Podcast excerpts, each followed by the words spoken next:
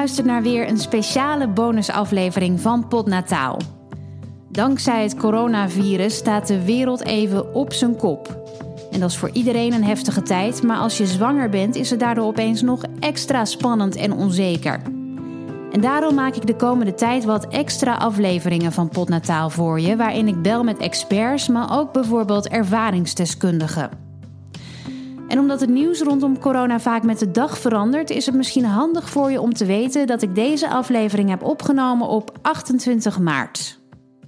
In deze aflevering bel ik met Martijn Oudijk. Hij is de woordvoerder van de NVOG, dat is de Nederlandse Vereniging voor Obstetrie en Gynaecologie. Waarschijnlijk ben je niet bekend met ze, vandaar dat Martijn even kort uitlegt wie ze zijn en wat ze doen.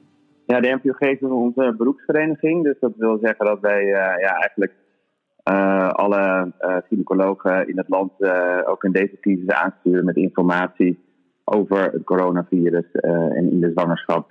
en protocollen maken en dergelijke. En ook bijvoorbeeld onderzoek doen naar, naar het coronavirus en zwangerschap. We zijn ook een wetenschappelijke vereniging. Dat betekent dat we continu proberen bij te houden um, ja, zo up-to-date mogelijk wat uh, alle gegevens zijn, zodat we onze informatie uh, kunnen verstrekken aan al onze leden, dus aan de gynaecologen, die het vervolgens weer aan, de, uh, ja, aan onze zwanger kunnen doorgeven. Ja, en, en obstetrie, dat is een moeilijk woord voor? Ja, voor verloskunde. Voor verloskunde. Ja. En jullie hebben nu binnen jullie organisatie een speciale werkgroep die helemaal bezig is met corona. Ja. en die onderzoeksgroep, uit wie bestaat die groep? Want het is natuurlijk nou, sinds een paar weken in het leven geroepen, denk ik. Ja, nou, er zijn twee, twee belangrijke werkgroepen uh, die zich bezighouden met het coronavirus. Ten eerste is dat de werkgroep uh, infectie. Uh, daar is mijn collega Lisbeth van Leeuwen, zij is gynaecoloog in, in Amsterdam. druk mee bezig met, met haar collega's om, om zoveel mogelijk up-to-date protocollen te maken voor, voor heel het land. die ook op onze website staan. Dat is de ene belangrijke werkgroep. En de andere belangrijke werkgroep, uh, die bestaat ook al wat langer, dat is de, ja, de NATOS. Dat staat voor Netherlands uh, Obstetric Surveillance System.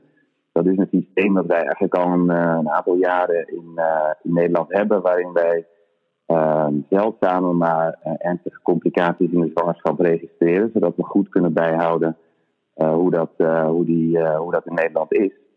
En dat systeem hebben we nu voor corona ook, uh, ook uh, opgetuigd. Zodat we elke week um, ja, onze leden kunnen voorzien van de informatie uh, vanuit Nederland. Dus hoe de situatie in Nederland is ten aanzien van zwangerschap en corona. Hoeveel zwangere vrouwen zijn besmet. en met name natuurlijk wat belangrijk is, ja, zijn daar dan ook veel meer complicaties of valt het juist eigenlijk wel mee. En we proberen elke week dan onze leden te voorzien middels een nieuwsbrief met, uh, uh, met de informatie die we op dit moment hebben. Ja, en wat is dat? Wat, wat weten jullie tot nu toe?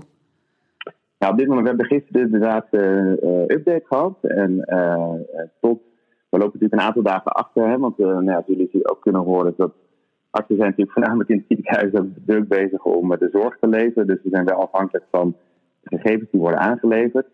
Maar de status van gisteren was dat er 18 ehm, ehm, vrouwen in Nederland uh, zijn besmet die ook zwanger zijn. Uh, waarvan er inmiddels vijf zijn uh, bevallen. Oké, en, en hoe horen je dan ook hoe die bevalling verloopt? Of, of hoe die bevallingen zijn verlopen? Ja, die vijf bevallingen die zijn eigenlijk goed verlopen. er is er eentje bevallen met een keizersnede en de, de rest is op een normale manier bevallen. En uh, met alle vijf uh, pasgeborenen uh, gaat het goed. En wat zijn dan de. Hoe, hoe ziet zo'n bevalling er dan uit? Want het gaat er natuurlijk wel anders aan toe dan hoe, bij een normale bevalling, neem ik aan. Ja, dus we hebben in Nederland afgesproken, ook met de KNOV, dat is de beroepsvereniging voor verloskundigen. afgesproken dat als zwangeren positief zijn getest voor corona, dat zij dan een, uh, een, medische indicatie hebben. Dus dat wil zeggen dat ze dan in het ziekenhuis moeten bevallen. De reden daarvoor is dat we op dat moment ook de moeder goed in de gaten willen houden tijdens de, tijdens de bevalling middels extra bewaking. Maar ook de ongeboren baby goed in de gaten willen houden middels een hartfilmpje. Ja, maar gaat het dan, dan, dan, staat er natuurlijk ook een, een, speciaal team klaar. Iedereen in pakken, neem ik aan. Ja. Ehm, en wat is er nog meer anders dan bij een normale bevalling? Nou, het is natuurlijk wel wat anders, want uh, ja, dus, degene die, uh, die je helpt tijdens de bevalling, die draagt inderdaad beschermende pakken. Dus die hebben een schort voor, die hebben handschoenen aan, die hebben een mondkapje voor, een, beschermende bril. Um, dus ja, dat is wel wat onpersoonlijker dan, dan normaal gesproken. En dat is natuurlijk met name ook om ons eigen ja, personeel te beschermen. Um, en daarnaast wat er anders is, is dat in de meeste ziekenhuizen mag je nou ja, vaak wel twee of soms drie mensen meenemen tijdens een bevalling als je dat wilt. Uh, maar in dit geval uh, staan wij echt alleen toe dat er uh, maximaal één persoon naast de zwangere vrouw in de kamer extra aanwezig is naast het personeel. Ja, de vrouw zelf mag bepalen wie dat is. En dat zal natuurlijk meestal dan ja, of de partner zijn of misschien een moeder bijvoorbeeld. Ja, en van deze baby's, want het zijn er dus vijf, uh, is, is daar, uh, zijn die baby's allemaal uh, gezond? verder, die zijn niet besmet geraakt met corona? Nou, we weten niet of ze besmet zijn. Die gegevens hebben we nog niet. Het, wat belangrijk is, is dat de conditie van de kinderen dus goed is. Wat we uit andere, nou ja, andere medische literatuur op dit moment weten, is dat uh, dat de kans dat je tijdens de zwangerschap je ongeboren kind besmet of tijdens de bevalling ja, als nou, niet wordt ingeschat, is nul of, of maar heel erg, heel erg klein. Um, maar je kunt natuurlijk dan wel, stel dat je nog steeds besmettelijk bent en je bent bevallen, um, kun je natuurlijk op die manier, als je je kindje vasthoudt, eventueel wel baby besmetten. Dus daar moet je dan ook extra voorzorgsmaatregelen voor treffen. Ja, en, en dat zijn, want ik begrijp dus dat moeder en kind wel gewoon bij elkaar kunnen blijven, ook onder die omstandigheden. Ja, dus stel dat als de baby het goed doet, stel dat er dus geen reden is voor de baby om te worden opgenomen op een kinderafdeling, dan mag de baby gewoon bij jou uh, op de kamer blijven, dus bij de moeder.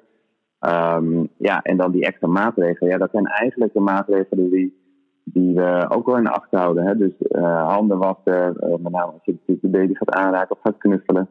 En ja, als je eventueel uh, borstvoeding gaat geven, dan zou je kunnen overwegen om bijvoorbeeld een mondkapje te, te overwegen om te dragen. Ja, en is er al uh, meer bekend inmiddels ook over wat het effect is op ongeboren kinderen van uh, corona? Wat, wat weten we daar nu van? Want je, je gaf net wel aan dat de kans dat, uh, nou, dat het bijna nul is eigenlijk dat je je, ja. je kindje in de buik in ieder geval besmet. Maar en, ja. we weten ook volgens mij inmiddels dat, het, dat kleine kinderen ook niet zo heel vatbaar voor zijn. Maar we weten ook ja. nog niet zo heel veel. Dus wat weten we wel? Nou ja, kijk, met, alles wat ik natuurlijk zeg, moet je natuurlijk wel rekening houden dat het een relatief nieuw virus is. Dus dat betekent dat de gegevens die we nu hebben, uh, ja, dat is de informatie die ik heb en waar ik, mee, waar ik jullie mee voorzie. Uh, dat kan natuurlijk veranderen in de loop van de tijd. Omdat, dat is ook de reden waarom we het in Nederland zo, uh, zo goed willen bijhouden. Um, wat we tot nu toe weten is dat als je het coronavirus oploopt tijdens de zwangerschap, dat, dat, dat kans dat je dus het kindje besmet als je nog in je buik zit, ja, uh, niet aanwezig lijkt te zijn. Dus die heel erg klein is. Uh, dus daar zijn we niet heel erg bang voor. We zien op dit moment ook geen aanwijzingen dat het bijvoorbeeld leidt tot meer miskramen als je nog vroeg zwanger bent of tot aangeboren afwijkingen. Dus dat is allemaal heel geruststellende informatie. Wat dus wel zo is, en, en dat, dat zie je denk ik ook continu in de media. Kijk, iedereen um, in Nederland heeft een kans dat hij besmet gaat raken. Um, en dat is voor een zwangere vrouw niet groter dan ieder ander in Nederland.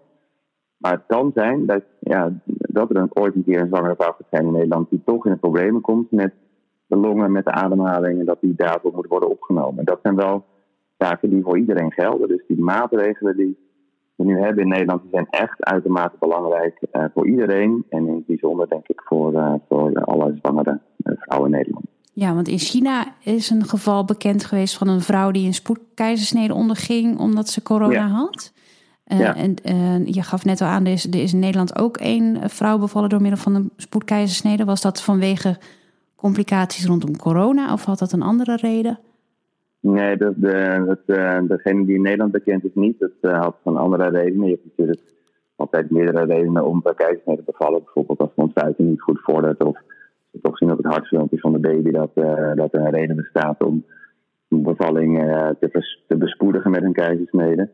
Wat, uh, wat in China bekend is, waar je het net over had, dat is, kijk, um, stel dat je als zwangere vrouw besmet raakt en je komt in problemen met de long en de ademhaling, ehm, en je bent wat verder in de zwangerschap, stel je bent 32 of 34 weken zwanger, dan, dan heb je natuurlijk een hele hoge druk in de buik, wat moeilijk kan maken om, um, voor de longen om, uh, om zich goed te ontplooien, omdat er natuurlijk hoge druk in zit. Dus als je moet worden opgenomen met extra zuurstof of zelfs een intensive care opname voor beademing, ja, dan kunnen dat redenen zijn waarop wij als gynaecologen dan samen met intensive care artsen besluiten, misschien is het beter, zowel voor moeder, maar ook voor kind, om uh, op dit moment uh, te bevallen. En dat kan dan natuurlijk alleen met een keizersnede. In die situatie en dat we, dat om die reden dan de zwangerschap beëindigen en een keizersnede doen. En dat is waarschijnlijk ook wat in China is gebeurd. Dus als je als zwangere vrouw heel ziek wordt en je bent in een levensvatbare periode van de baby, ja, dan kan het zijn. Uh, een heel onwaarschijnlijk geval dat, uh, dat er zoiets gebeurt. Dat is wel iets waar we, waar we rekening mee houden in de toekomst. Ja, en ik zit ook te denken, uh, stel je bent zwanger en je hebt corona uh, doorgemaakt, dan bouw je antistoffen op in principe. Ja. Zou je die antistoffen ook mee kunnen geven aan je ongeboren kind? Ja, dat zou kunnen. Daar, daar weten we nog heel erg weinig van. Uh, er druppelen nu wel in de medische literatuur wat, ja, wat case reports binnen van, um, van het feit dat, dat je die antistoffen zou kunnen meegeven. Um, maar daar durf ik eigenlijk nog heel erg weinig over te zeggen. In, naast het registratieonderzoek um, wat ik net meldde, zijn er ook in uh, academische ziekenhuizen met name veel uh, lokale initiatieven waarop, waarop we ook dat uh, risico proberen te, na te gaan. Hè? Dus dat we niet alleen als, als de zwangerschap bevalt, dat we naast een bloed afnemen om te kijken of daar toch virusdeeltjes of antistoffen in zitten en dat we um, de baby kweken, de placenta onderzoeken, et cetera. Dus dat, dat onderzoek staat echt nog heel erg in de kinderschoenen. Juist omdat nu pas de eerste vrouwen gaan uh, bevallen die, uh, die besmet zijn in de zwangerschap. Ja, ja, daarvoor moet jij dus eigenlijk weer meer vrouwen hebben die dit uh, meemaken ja. om, om daar iets zinnigs over te kunnen zeggen. Ja, dat, dan zouden we er echt nog uh, over twee of drie maanden iets verder moeten zijn. Dus uh, wellicht voer voor een nieuwe podcast tegen die tijd. Ja, precies. Nou, we houden wel even contact. En ja. wat ook een, um, een, een, zorg is voor veel, veel vrouwen die nu hoogzwanger zijn en ieder moment kunnen bevallen, is of er nog wel genoeg ruimte en zorg beschikbaar is in de ziekenhuizen. hoe is dat ja. nu op dit moment? Ja, op dit moment lijkt dat, uh, lijken er geen grote capaciteitsproblemen te zijn. Uh, enkele lokale uitzonderingen daar gelaten um, in Brabant. Maar op dit moment zien we eigenlijk in het overgrote deel van Nederland uh, geen problemen. Um, wat natuurlijk heel erg he heeft geholpen is dat um, ook op andere afdelingen, maar ook op verloskunde en gynaecologieafdelingen de zorg heel erg is afgeschaald. Dat betekent dat er minder polyklinische controles worden uitgevoerd. Uh, dat zwangere vrouwen op minder veel momenten worden gecontroleerd in de zwangerschap. Wat aan de ene kant natuurlijk heel vervelend is, want het is natuurlijk fijn om langs te komen en te horen dat het goed gaat en dat de baby goed groeit en dat, uh, dat je het hartje van de baby even kunt luisteren. Maar we hebben echt gekeken naar wat zijn de belangrijke controles, de noodzakelijke controles. Um, en er zijn er dus een aantal controles afgevallen en dat heeft wat lucht gegeven in het personeel. Wat dat betekent dat dat we op dit moment voldoende personeel hebben om in te zetten om, uh, om iedereen die uh, echt uh, geholpen moet worden, dus voor de noodzakelijke consulten, maar ook bijvoorbeeld spoedconsulten en ook bijvoorbeeld bevallingen, dat daar ja, voldoende personeel aanwezig is. Het andere wat ook helpt is dat onze collega's die bijvoorbeeld veel werken op de voortplantingsgeneeskunde of op de gynaecologieafdelingen, waar natuurlijk ja, heel veel zorg ook op dit moment niet doorgaat. Uh, dus niet spoedeisende zorg, dat dat ook collega's zijn die dan nu op dit moment juist weer kunnen helpen uh, bij ons op de verloskundeafdeling.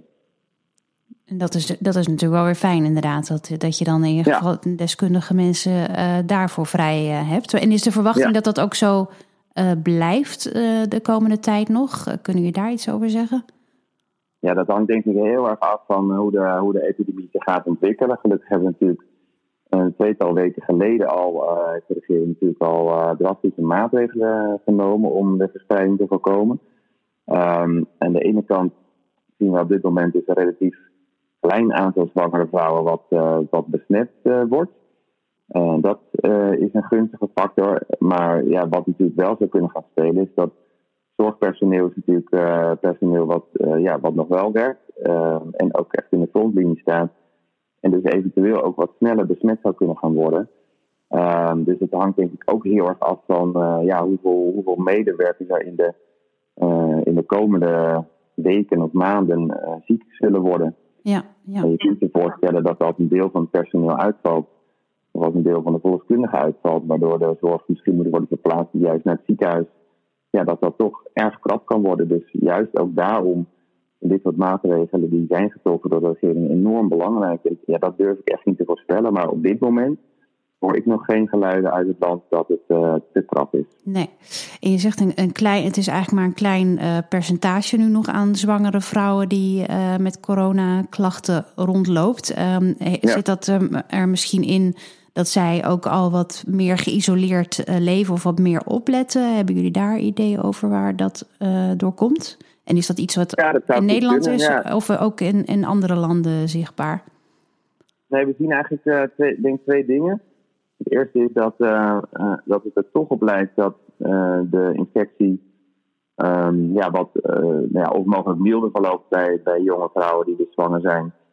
Um, en dat zou een rol kunnen spelen. Dus het, het virus lijkt niet, um, voor zwangere vrouwen lijkt niet veel kwetsbaarder dan, dan andere jonge mensen. Dat, is een, dat is een belangrijk iets. ja, en het tweede is dat natuurlijk goed zou kunnen zijn wat jij zegt. Is dat als je zwanger bent, ja, ben je misschien toch, hè, je bent sowieso extra beschermend ten aanzien van je, van je zwangere buik. Dus het zou heel goed kunnen zijn dat de zwangere vrouwen zich extra goed houden aan de maatregelen die zijn ingesteld. Wat ik alleen maar toejuich, want dat uh, zou natuurlijk hartstikke, hartstikke goed zijn als juist, het, uh, juist de zwangere vrouwen het uh, kunnen, kunnen ontlopen, het virus. Ja. ja, want een grote zorg van veel moeders is nu ook dat ze doordat ze, uh, als je zwanger bent of net bevallen, dan heb je vaak een lager immuunsysteem hè, dan een, een, iemand die dat niet heeft. Um, ben je dan dus ook extra vatbaar voor het virus? Nou, wat we met de eerdere epidemieën rondom coronavirus hebben gezien, zoals de, de SARS-epidemie in 2003 en de en de MERS-epidemie leek het er juist op dat, uh, uh, dat de zwangere vrouwen ietsje vatbaarder waren. Maar voor dit virus lijkt dat juist weer niet het geval te zijn. Dus ja, dat, ik, ik, dat durf ik op dit moment nog niet te zeggen. Maar het lijkt erop alsof het zwangere vrouwen juist wat uh, minder at risk zijn op dit moment. Ja, ja maar dat is nog, nog niet echt een verklaring uh, voor gevonden tot nu toe. Nee, dat durf ik niet te zeggen. Maar en, ja, misschien dat dat ook nog een beetje te vroeg is om te zeggen. Maar dat we dat pas over één of twee maanden wat, uh, wat duidelijker hebben. Ja. Iets wat ik me ook nog afvroeg, um, als je uh, hoogzwanger bent en je vermoedt dat je corona hebt, word je dan standaard getest eigenlijk? Want uh, ze testen niet meer zomaar, maar hoe zit dat als je zwanger bent? Heb je dan voorrang op een test? Nee, je wordt op dit moment niet, uh, niet standaard getest. Um, dus als je ja, wat, wat, wat een hele milde klachten hebt, dan word je in principe niet getest. Mag je ook gewoon met de verloskundige thuis bevallen of uh, polyklinisch bevallen. Dus in het ziekenhuis onder leiding van de, van de verloskundige. Stel dat je wel uh, ja, forse klachten hebt um, of koorts en je gaat uh, richting bevalling, ja, dan is het wel aan te raden om, uh, om te testen. Dus er zijn op dit moment geen standaardtesten voor zwangere vrouwen. Maar ja, zodra je klachten krijgt, dan zal zowel de verloskundige als de gynaecoloog wel een test inzetten. Ja als ik jou zo hoor, dan denk ik, nou ja, dan, dan uh, hoeven zwangeren zich niet per se heel veel meer zorgen te maken dan andere mensen. Dus eigenlijk op dit moment. Het, het klinkt alsof het allemaal, uh, nou ja, de, de risico's redelijk laag zijn en uh, nou, de ziekenhuizen goed voorbereid nog steeds. jullie het goed in kaart hebben. Ja. Um, kan ik dat zo zeggen? Kunnen we deze vrouwen een beetje geruststellen in deze onzekere tijden? Ja, helemaal mee eens. Ik denk dat dat echt de allerbelangrijkste boodschap is. Dus wel met een kleine slag om aan dat we het moeten doen met de gegevens die we nu hebben. De, de epidemie, sinds die in, in China is, is gestart, is pas een paar maanden oud. Maar er zijn uh, best wel wat gegevens al in de internationale medische, medische literatuur die geruststellend zijn. En zowel onze eigen gegevens tot nu toe ja, uh, zijn niet heel erg uh, verontrustend. Um, met een kleine slag om de arm, dus hou vooral wel echt alle maatregelen in, uh, in acht, zou ik zeggen. En uh, probeer jezelf zoveel mogelijk te beschermen om de infectie niet op te lopen. Dat is natuurlijk altijd beter dan dat je het wel uh, krijgt. Je bent net bevallen en uh, uh, nou ja, dan wil je natuurlijk je baby aan iedereen uh, laten zien zo snel mogelijk, maar dat is nog steeds een no-go? Ja, ik zou echt, dus juist als je net bevallen bent, snap ik heel goed dat je natuurlijk de baby zou willen laten zien aan je familie, vrienden, maar juist ook bij kraambezoek is het echt heel erg belangrijk om die, om die regels in acht te nemen. Dus ja, voor mij kraambezoek zoveel mogelijk daar waar dat kan. En in ieder geval, stel dat je toch een moeder of een vader zou willen laten langskomen. Ja, dat blijft natuurlijk je eigen keuze, maar als hij milde klachten heeft, ook is een klein beetje hoest of een klein beetje neusverkoudheid, ja, dan zou ik het echt even niet doen totdat ze uh, geen klachten meer hebben. Meer dan 24 uur geen klachten, dan ben je in principe veilig. Oké, nou uh, Martijn, heel uh, hartelijk dank. En uh, nou, ja, jullie, jullie hebben druk de komende tijd. Denk ik. Wat voor dagen ma maken jullie gemiddeld nu? Nou, op dit moment draaien we nog normale werkuren, dus van, van 8 tot 5. Maar er liggen al plannen klaar. mochten de medewerkers uitvallen of mocht het toch drukker worden dat wij naar ehm, ja, 12 uur ploegdiensten gaan. Dus dat wil zeggen 12 uur op, 12 uur af. Uh, en dan voor een dag of vijf à zes, als dat uh, noodzakelijk is. Maar hopen natuurlijk allemaal dat, dat, we niet in die situatie terechtkomen. Tot zover deze bonusaflevering van Potnataal. Ik hoop snel weer bij je terug te komen met meer afleveringen. Vergeet in de tussentijd niet om Potnataal een 5-sterren recensie te geven in iTunes. Op die manier zorg je ervoor dat nog meer mensen deze podcast makkelijk kunnen vinden. En dat is denk ik juist in deze tijd heel erg belangrijk. Deel hem ook zoveel mogelijk met mensen waarvan je denkt dat ze er wat aan kunnen hebben. En als je je abonneert op de podcast, dan krijg je altijd een melding als er een nieuwe aflevering is.